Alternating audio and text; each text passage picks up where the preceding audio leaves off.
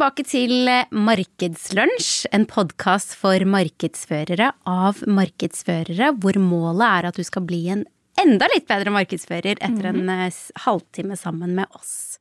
Vi kommer fra Markedssjefene, som er et konsulentselskap som driver med marketing for hire. Og i dag så skal vi snakke om abonnementsmarkedsføring. For det er jo et litt eget tema. Det skal vi, og hvordan det egentlig tar over eh, verden vår. Ja. Hvor mange abonnement har du egentlig? Altfor mange. Ja, jeg oppdaget eh, at jeg hadde abonnert på noe jeg nesten ikke visste at jeg hadde her forleden dag, så måtte jeg gjøre en stor prosess for å avslutte det. Så jeg har i hvert fall nok abonnement, har jeg funnet ut. Ja, jeg så når vi skulle liksom gjøre litt research på det temaet, så så jeg at eh, veldig mye av det som kommer høyest opp på Google, er sånn Hvordan kan du se hvor mange abonnementer du har, og hvordan kan du kvitte deg med de? Oh, ja, den er jo Den kunne jeg trengt. Kanskje du kan sende meg lenke på det? Ja. Ja, nei, for det har jo blitt sånn at eh, Jeg husker en gang i tiden, så eh, i min ungdom, så hadde jeg eh, et eget stativ med masse CD-er, og jeg hadde noe video og DVD-er, og hadde masse Eide masse filmer og masse lydfiler og alt mulig sånn. Jeg gjør jo ikke det lenger, jeg. Nei, altså nå går vi jo inn i det som kaller er æraen end of ownership. Ja. Nå skal vi ikke eie noe lenger nå. Nei. Nei, vi skal abonnere på alt. Vi går over til en eh, delingsøkonomi. Og da er det også da, abonnementsløsninger. Ja? ja, men det må vi jo grave, grave litt mer i. Og det, um, det som egentlig var litt utgangspunktet for, um, for denne episoden, var at jeg har lest en bok. Eh, Det er ikke sånn at det skjer. jo da, det må vi ha en hel episode om det. Eh, Jeg har lest boken Subscribed. Why the subscription model will be your company's future and what to do about it. Det er Tien Zuo eh, som har skrevet den, og han er founder and CEO av Zora. Eh, og Zora er en um, eh, software as a service-tjeneste som tilrettelegger for um, altså abonnementsøkonomien, eller altså hvis du har abonnementer du ønsker å, um, å selge, så kan man bruke dem da for å få det på plass. Det det som var veldig interessant med denne boken, var det ble en bevisstgjøring på forskjellen mellom dette med abonnementsmarkedsføring kontra det å ha her er en melk, den skal selges i butikk, den må vi si noe om, og så kjøper de den, og så er man ferdig. Fordi det er en del mekanismer man må være klar over når man skal markedsføre et abonnement. Fordi det er jo sånn at man gjerne vil at de som oppretter et abonnement med deg, de skal fortsette å bruke deg, og fortsette og fortsette og fortsette. Kundereisen blir liksom en evig, evig sirkel, på en måte. da. Ja, og det er jo for så vidt det i andre kjøpsprosesser også, men det er enda mer påfallende og enda tydeligere i eh, abonnementsverden. Eh, og der har vi jo eh, noen eksempler som vi skal snakke om litt eh, underveis i episoden i dag. Men en av tingene som jeg noterte meg fra, fra denne boken, var at det er egentlig fire viktige faser å være ekstra oppmerksom på her. Eh, For det første så må man jo få folk til å vite om deg. Så det er jo hva skal man si, vanlig markedsføring. Man må si at her er vi, kom og bruk oss. Ja. Og så må du få folk til å faktisk melde seg opp. Da er vi jo ganske kjent med modellen på kanskje at man får lov å ha én eller to uker gratis prøvetid, kanskje enda lenger enn det. Og så finner man et, man et eller annet man liker der, og da er det jo kjempeviktig hvis man ser at kunden ikke helt finner sin greie i ditt, din abonnementsmodell, altså at de ikke tar deg i bruk, da må man jobbe med det. Så da er man i gang med, med det som heter usage. Så når man da endelig har klart å få, få disse abonnentene til å virkelig ta i bruk din tjeneste og bli ordentlig gode venner med deg, så må du begynne å jobbe med fornyelse av abonnementet. Og spesielt hvis du har disse gratis prøvetidene. Da må du finne et eller annet som gjør at, eh, at kunden fortsetter å bruke deg. Ja, du må holde interessen oppe, da. Ja, du må det. Ja. Og så har du da helt til slutt, som er veldig viktig, og det er at man må se på hvilke andre muligheter har man for å drive med mersalg eller upsales. At, hvordan skal man få de til å kjøpe et premiumabonnement kontra et basic abonnement? Hvordan er det man bygger opp denne forretningsmodellen? Da har jo vi en veldig spennende gjest til neste episode som skal fortelle litt eh, hvordan de jobber med det her, og det er jo eh, Marte fra Podimo, markedssjef der, som skal fortelle litt om det. Så det er bare å glede seg til. Men dette syns jeg var innmari interessant, og så kom jeg til å tenke på at en av kundene jeg jobbet med for en god stund siden, de jobbet jo eh, abonnementsbasert. Det var viktig. Vi snakket, Jeg har aldri sagt bokstavene ARR så mange ganger i løpet av eh, et halvt års eh, tid som da jeg jobbet der. Annual recurring revenue.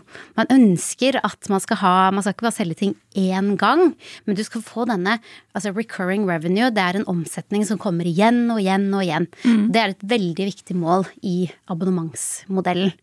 Så det er også noe man må tenke på som markedsfører. Hvordan er det man jobber med kundereisen, holder folks interesse og faktisk får de til å kjøpe igjen og igjen og igjen. Så det er et viktig mål, og det står det en del om i den boken også, som, eh, som er verdt å lese om.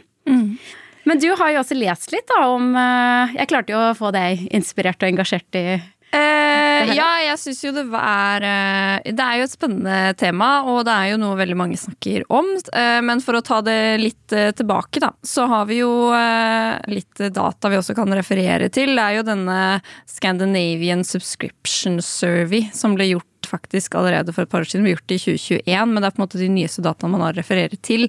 Og den viste jo det at norske husholdninger har i gjennomsnitt 18 abonnementstjenester de bruker, og bruker da i gjennomsnitt 3897 kroner i måneden på abonnementstjenester.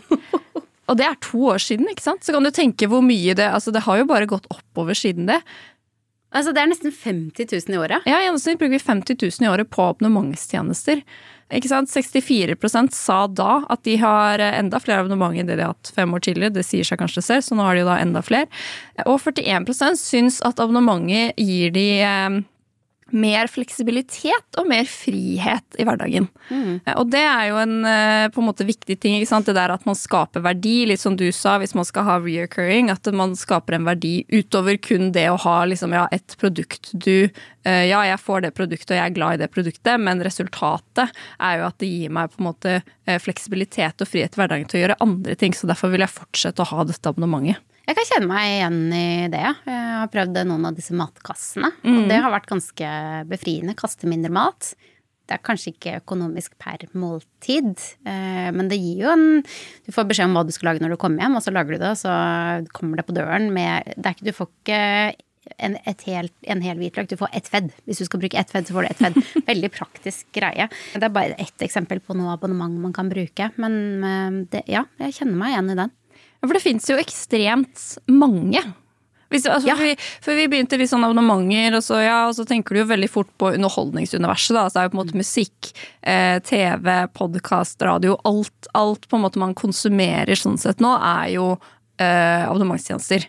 Ja. Eh, men så når du begynner å se på livet ditt, da, så er det Oi, det var oh, Begynner å se på livet, ja. Ja, da er det jo eh, altså mye. Det er jo på en måte veldedighetsorganisasjoner. Eh, der er det jo ofte abonnementer. Eh, det er klær man kan kjøpe abonnement. Det er eh, Squeeze har abonnement på massasje. Vi snakket om Knit Note, som driver med strikke. Ja, strikking, sånn du kan logge strikkemønstrene dine og hvilke strikkepinner du bruker og alt Ja, ikke sant? Det er jo alt innenfor helse. Altså dette NutraQ og alle disse tablettene du kan ta hver måned. Det er jo bil, selvfølgelig. Matkasser, som du sa. Optiker. Du kan ha linseabonnement. Så er det jo også dette goodiebox. Hva er det for noe? Ja, det er jo sånn at du får en boks en gang i måneden, og så er den proppfullt med uh, forskjellig sånn alt fra sminke og kosmetikk og sånne ting, og så vet du ikke hva du får. Oi, Ja, så du får det som en gave da, en gang i måneden. Oi. Ja, så, Som du selvfølgelig har betalt for, da. Men det jeg håper du jo kanskje at du glemmer litt når du ser alt dette fine som ligger oppi boksen. Oi, jøye meg. Ja, Og så er det jo uh, nå kommet mye mer av uh, e-læringer. Altså sånn Duolingo er det veldig mange som snakker om. Headspace er jo denne appen eh, som skal hjelpe med mindfulness. Ja, den er fin. Mm. Ja. Så er det jo LinkedIn Learning som har kommet nå, eh, på Optimang, hvor det er eh, ekstremt mange webinarer og kurs man kan ta. Så der ser man jo at man går fra kanskje den passive forbrukeren da, med på en måte mer sånn streaming services, hvor du bare sitter og tar imot og får alt, til at du kanskje blir mer aktiv da, og har ting man kan, kan lære av i stedet. Ja, nettopp. Ja, nei, det er ganske mye. Vi snakket jo også litt sånn på tøys om uh, The OG Bokklubben. Ja. Som var vel kanskje en av de første som, ja, som jeg husker fra barndommen i hvert fall, som ganske mange år siden. Ja. Uh, var uh, sånn opprinnelige abonnementsmodellen. Fikk man en bok i posten og var postgiro. og- Så det er kommet en eh, vei siden. Men det, det virker som det er eh, det er her for å bli. Så vi må jo bare som selskap og markedsfører lære oss hvordan vi skal markedsføre det her. Og få folk til å faktisk velge oss og fortsette å bruke oss. Og det er kanskje den store forskjellen fra sånn som det var før. Da. At nå, før så var vi veldig opptatt av den første fasen som markedsfører. At vi må få folk inn. De skal kjøpe fra oss, og så er vi på en måte litt ferdige med vår jobb. Eh, Men nå handler det om å mm, gjensalg og mersalg, og at de skal velge oss igjen og igjen og igjen. Ja, og så kanskje man kan ta den vurderingen da, på produktet man tilbyr. Er dette et produkt jeg faktisk eh, kunne tilbudt i en abonnementstjeneste? Ja. Fordi som vi ser, det er jo flere og flere bransjer som nå tydeligvis går den veien. Og de som driver med det, i hvert fall, hevder jo at eh, det er mye mer bærekraftig, og det er mye mer økonomisk både for eh, forbrukeren og for bedriften. Så hvis vi ser at det er på en måte den veien samfunnet går i, da, i en delingsøkonomi, så kanskje du har et produkt som egentlig kunne blitt solgt på abonnement. Jeg er litt sånn spent, fordi det er en ting de vi har nevnt, men det er jo hovedsakelig eh, B2C-produkter. Men altså, hvordan B2B kommer til å løse det her framover? Det er jo mange som har abonnementsmodeller, spesielt på Software as a Service og en del andre eh, produkter. Men hvordan eh, vår bransje? Kanskje det blir abonnementsmodell etter hvert? Altså, hvem vet? Ja. Leie oss inn på abonnement. Ja. Ja. Mm? One to watch. One Men du har jo da også um, du, les, du har lest masse, du. Jeg har ikke lest en bok, men jeg har lest lest på internett. Du har lest på internett, ja. Eh, du hadde et case som var Jeg fikk helt hakeslepp da du fortalte om det. Ja, altså Apple, som vi alle kjenner til. Eh, Jeg ble ganske satt ut når jeg fikk presentert eh, disse tallene. Eh, Altså Steve Jobs avviste denne abonnementsmodellen allerede i 2003 og sa at nei, dette skal ikke vi drive med. Vi skal skape et økosystem med flere produkter, hvor folk da begynner å bruke én, og så bruker de flere og flere. Og det har de jo i veldig stor grad fått til. Vi sitter jo her med iPhone og Mac og øretelefoner og alt fra Apple, så gratulerer med det. Men så har jo de også kastet seg på denne abonnementsbølgen. Og i eh, februar så kunngjorde de at ved utgangen i 2022 så hadde de 935 millioner betalende abonnementer på tvers av deres forskjellige tjenester. De hadde hatt en vekst på 35 millioner de siste tre månedene. Og i fjerde kvartalet så genererte de 20,8 milliarder dollar i inntekter fra abonnementsvirksomheten sin. Det er så mye penger! Det er så store tall! Det er så mye penger! Altså, på tre måneder! Ja. Altså 35 millioner abonnenter på bare tre måneder. ja, jeg tenker at uh, Marte som kommer i neste episode, skulle gjerne hatt de Ja. tallene Ja, på det kan jeg godt tenke meg. Ja. Vi får ta en telefon til Apple og høre hvordan de gjorde det. Ja. Altså, Apple har jo gjort noe smart. ikke sant? Det her er jo ikke bare abonnementer på, eller abonnenter på deres egne produkter. De har jo også denne plattformen. Så dette gjelder jo også alle abonnementene som går gjennom deres plattform. ikke sant? For eksempel, jeg har jo eh, abonnement på Disney TV. Det betaler jeg jo gjennom Apple, altså gjennom min eh, Apple-konto. Så det, det er jo så ikke bare de, men de har jo gjort veldig mye smart for å på en måte utnytte seg da, av denne businessmuligheten. Og så har de jo denne strategien nå at de samler de forskjellige tjenestene sine i det de kaller Apple One. Og det inkluderer da for oss i Norge. Da er det jo eh, Apple Music, Apple TV, Apple Arcade og iCloud. Som du da får i én pakke. Så selv om du kanskje ikke er så interessert i én av de, så er det sånn ok, men jeg får pakka. Ja. Så da tar jeg heller alt. Men jeg Eh, fikk en uh, ny telefon for noen måneder siden, det var vel i høst eller en gang. Mm. Og da fikk jeg uh, sånn pop-up på innstillinger sånn Hei, du har inkludert i den nye telefonen din tre måneder gratis Apple TV pluss. Vil Mm. du aktivisere trykk her? Og da tenker jeg på det tallet med 35 millioner eh, på tre måneder. Ja, ja. Det skjedde jo mot slutten av 2022. Mm. Så det Du er jo- en av de. Jeg er en av de! Jeg har bidratt her. Ja. Eh, men det er jo et genitrekk for å få folk inn. Ja, ja, jeg kjøpte meg nye AirPods nå forrige uke. Jeg fikk akkurat samme på iMusic. Ja, nettopp. Mm. Ja. Og da kan du jo tenke, da er det jo, det er jo en del vi faller fra, da, selvfølgelig. Fordi Men eh, mm, ja, en del vil glemme å slutte abonnementet. Og en del vil velge å fortsette fordi de har funnet en ny verden som de trives i, med serier og filmer og det som er. Så det er jo helt, eh, det er helt genialt. Mm. genitrekk av Apple det der for å få øke følgeskaren. Ja, og Spennende å se hva som skjer eh, fremover òg, fordi sant, de var jo litt sent på banen. De sa at nei, vi skal ikke være en del av dette, vi tror at folk likevel eh, vil betale for det enkeltvis. Og så kommer jo Spotify, så kommer Netflix, og så ser jo Apple bare sånn oi, shit, dette, nå skjer det, på en måte. Nå må vi også kaste oss på. Mm. Så Apple Music har jo eh, slitt litt med å komme opp på samme nivå. Men eh, det er noe med det at når det er så mange som har en iPhone, da, så er det en ja, ikke sant, gratis abonnement en enklere måte å konvertere på. Ja. Og så er det jo ytterst få som har de musklene som Apple har. Det er eh, svært få som kan klare å få til det samme som de har gjort. Men det er jo noen mekanismer de bruker her som man kan se til å hente inspirasjon fra. Mm. Og det var jo derfor vi ville dra fram dette caset, fordi det er jo noe med at selv om du er litt uh, kommer til Vesten, så kan det fortsatt bli gøy. Mm. Eh, så det er jo kanskje en, en, oppfordring til dere som lytter, da. Det er ikke for sent å begynne å sette i gang. Se litt på hva du har mulighet til å lage abonnement eh, ut av. Og så mm. se på hvordan disse store casene eller disse store bedriftene har løst det. Eh, og hente litt læring og inspirasjon derfra. Mm. Men hvis vi drar det litt tilbake til eh, markedsføringen, da så er det jo på en måte én verden som er veldig åpenlys for abonnementstjenester, og det handler jo det om growth hacking, eller growth marketing. Growth hacking marketing. Det har eh, Kjært barn har eh, mange navn, eh, og handler jo egentlig om det å bryte opp hele kundereisen, da, som du sier, når det ikke kun er på en måte den første delen, men det er flere deler vi skal fokusere på, hvordan man kan bryte det opp. Og der hadde du et veldig godt eksempel, Trine. Ja, jeg var jo da jobbet hos en kunde for en tid tilbake og um, et av grepene vi gjorde der, var å jobbe etter growth hacking-modellen. Der har man OKRs, og så har man noen verktøy man bruker for å måle uh, forsøkene man gjør på å drive bedre markedsføring. Mm. Og um, da er det veldig viktig at man tester én og én ting av gangen. Og et av grepene vi, uh, vi hadde en hypotese om at uh, det var veldig viktig å få folk inn til en sånn gratis prøveperiode. Og i den forbindelse så hadde vi satt opp en pop-up helt nederst i jeg mener å huske at det var venstre, nei, høyre hjørne. Så kom det en pop-up etter sånn 10-15 sekunder. Og så syntes vi det var sånn Trått fikk ikke så mye gratis trials og så mye kundeinformasjon som vi ønsket.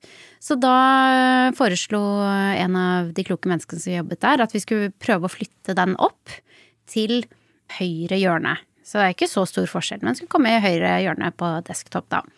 Så gjorde vi det, og samme timing, 10-15 sekunder, så kom den opp. Og basert på det så um, Nå husker jeg dessverre ikke helt akkurat resultatene, men det var noe sånn som 50% økning, mellom 40 og 50 økning i antall uh, påmeldinger vi fikk til disse gratis trialsene. Det var en bitte liten endring, men som ga en helt enorm effekt. Og det er altså et godt eksempel på at når man skal gjøre disse, denne growth hacking-metodikken, så må man gjøre én og én ting. Og det trenger ikke være store ting, men du må la det få den tiden det trenger til å faktisk følge med på resultatene, analysere, vurdere, og så konkludere med om det har fungert eller ikke. For hvis du gjør tre-fire ting samtidig, så aner du jo ikke hva som egentlig har gitt effekt. Så hvis, der, hvis vi hadde endret både timing på at den kom opp etter fem sekunder istedenfor ti sekunder, og vi hadde flyttet den, så hadde vi jo ikke visst hva som hadde skjedd. Så du må jobbe ganske sånn incrementally, altså i små, bitte, bitte små steg hele veien, da. Ja, helt ned i detaljene. Ja. Mm. Og det, var, det er ikke en veldig morsom måte å, å, jobbe på. Og så kan det jo av og til hende at hvis man bare jobber på den måten, så glemmer man litt de store linjene. Mm. Er det nå vi skal dra inn uh, merkevarestrategi, som vi alltid må innom i disse episodene? Man må ikke glemme merkevaren midt oppi det hele, og bare fokusere på disse bitte små endringene som man skal jobbe etter, da. Ja, nei, veldig sant. Men det kan være en, en lur måte å jobbe på, da. Mm. Eh, for å på en måte ha ja, på en måte være mer klar over lengden på kundereisen og bryte den opp. Og se hvilke små detaljer er det som kan gjøre det bedre. Hva er det som kan få oss til å få litt flere prøver av abonnementer? Har det noe med antall dager? Det kan man justere opp og ned. Hva slags kommunikasjon man sender til de underveis. Hva slags programmer man eventuelt presenterer til de, og sånne ting. Mm. Men jeg syns det er veldig spennende. Ja. Morsom måte å jobbe på. Mm. Veldig håndfast i resultatene. Mm. Så det er eh, også noe man kan ta med videre. Om man så ikke driver med abonnementsmarkedsføring, så er growth hacking det er, ikke, det er ikke en måte å jobbe på det heller. Vi begynner å nærme oss eh, slutten av denne episoden, og i neste episode så får vi besøk av Marte Nyhus, som er markedssjef i Podimo. De har jo hatt en reise de siste, de siste par årene eh, i et konkurransepreget marked. Klart å lansere en podkast-app med et ganske tydelig verdibudskap og posisjon.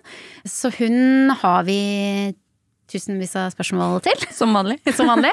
Så da ønsker vi hjertelig velkommen tilbake om to uker, når neste episode slippes.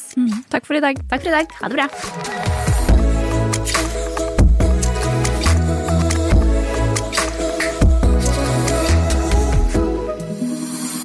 Denne podkasten er produsert av Freemantle Podcast for markedssjefene.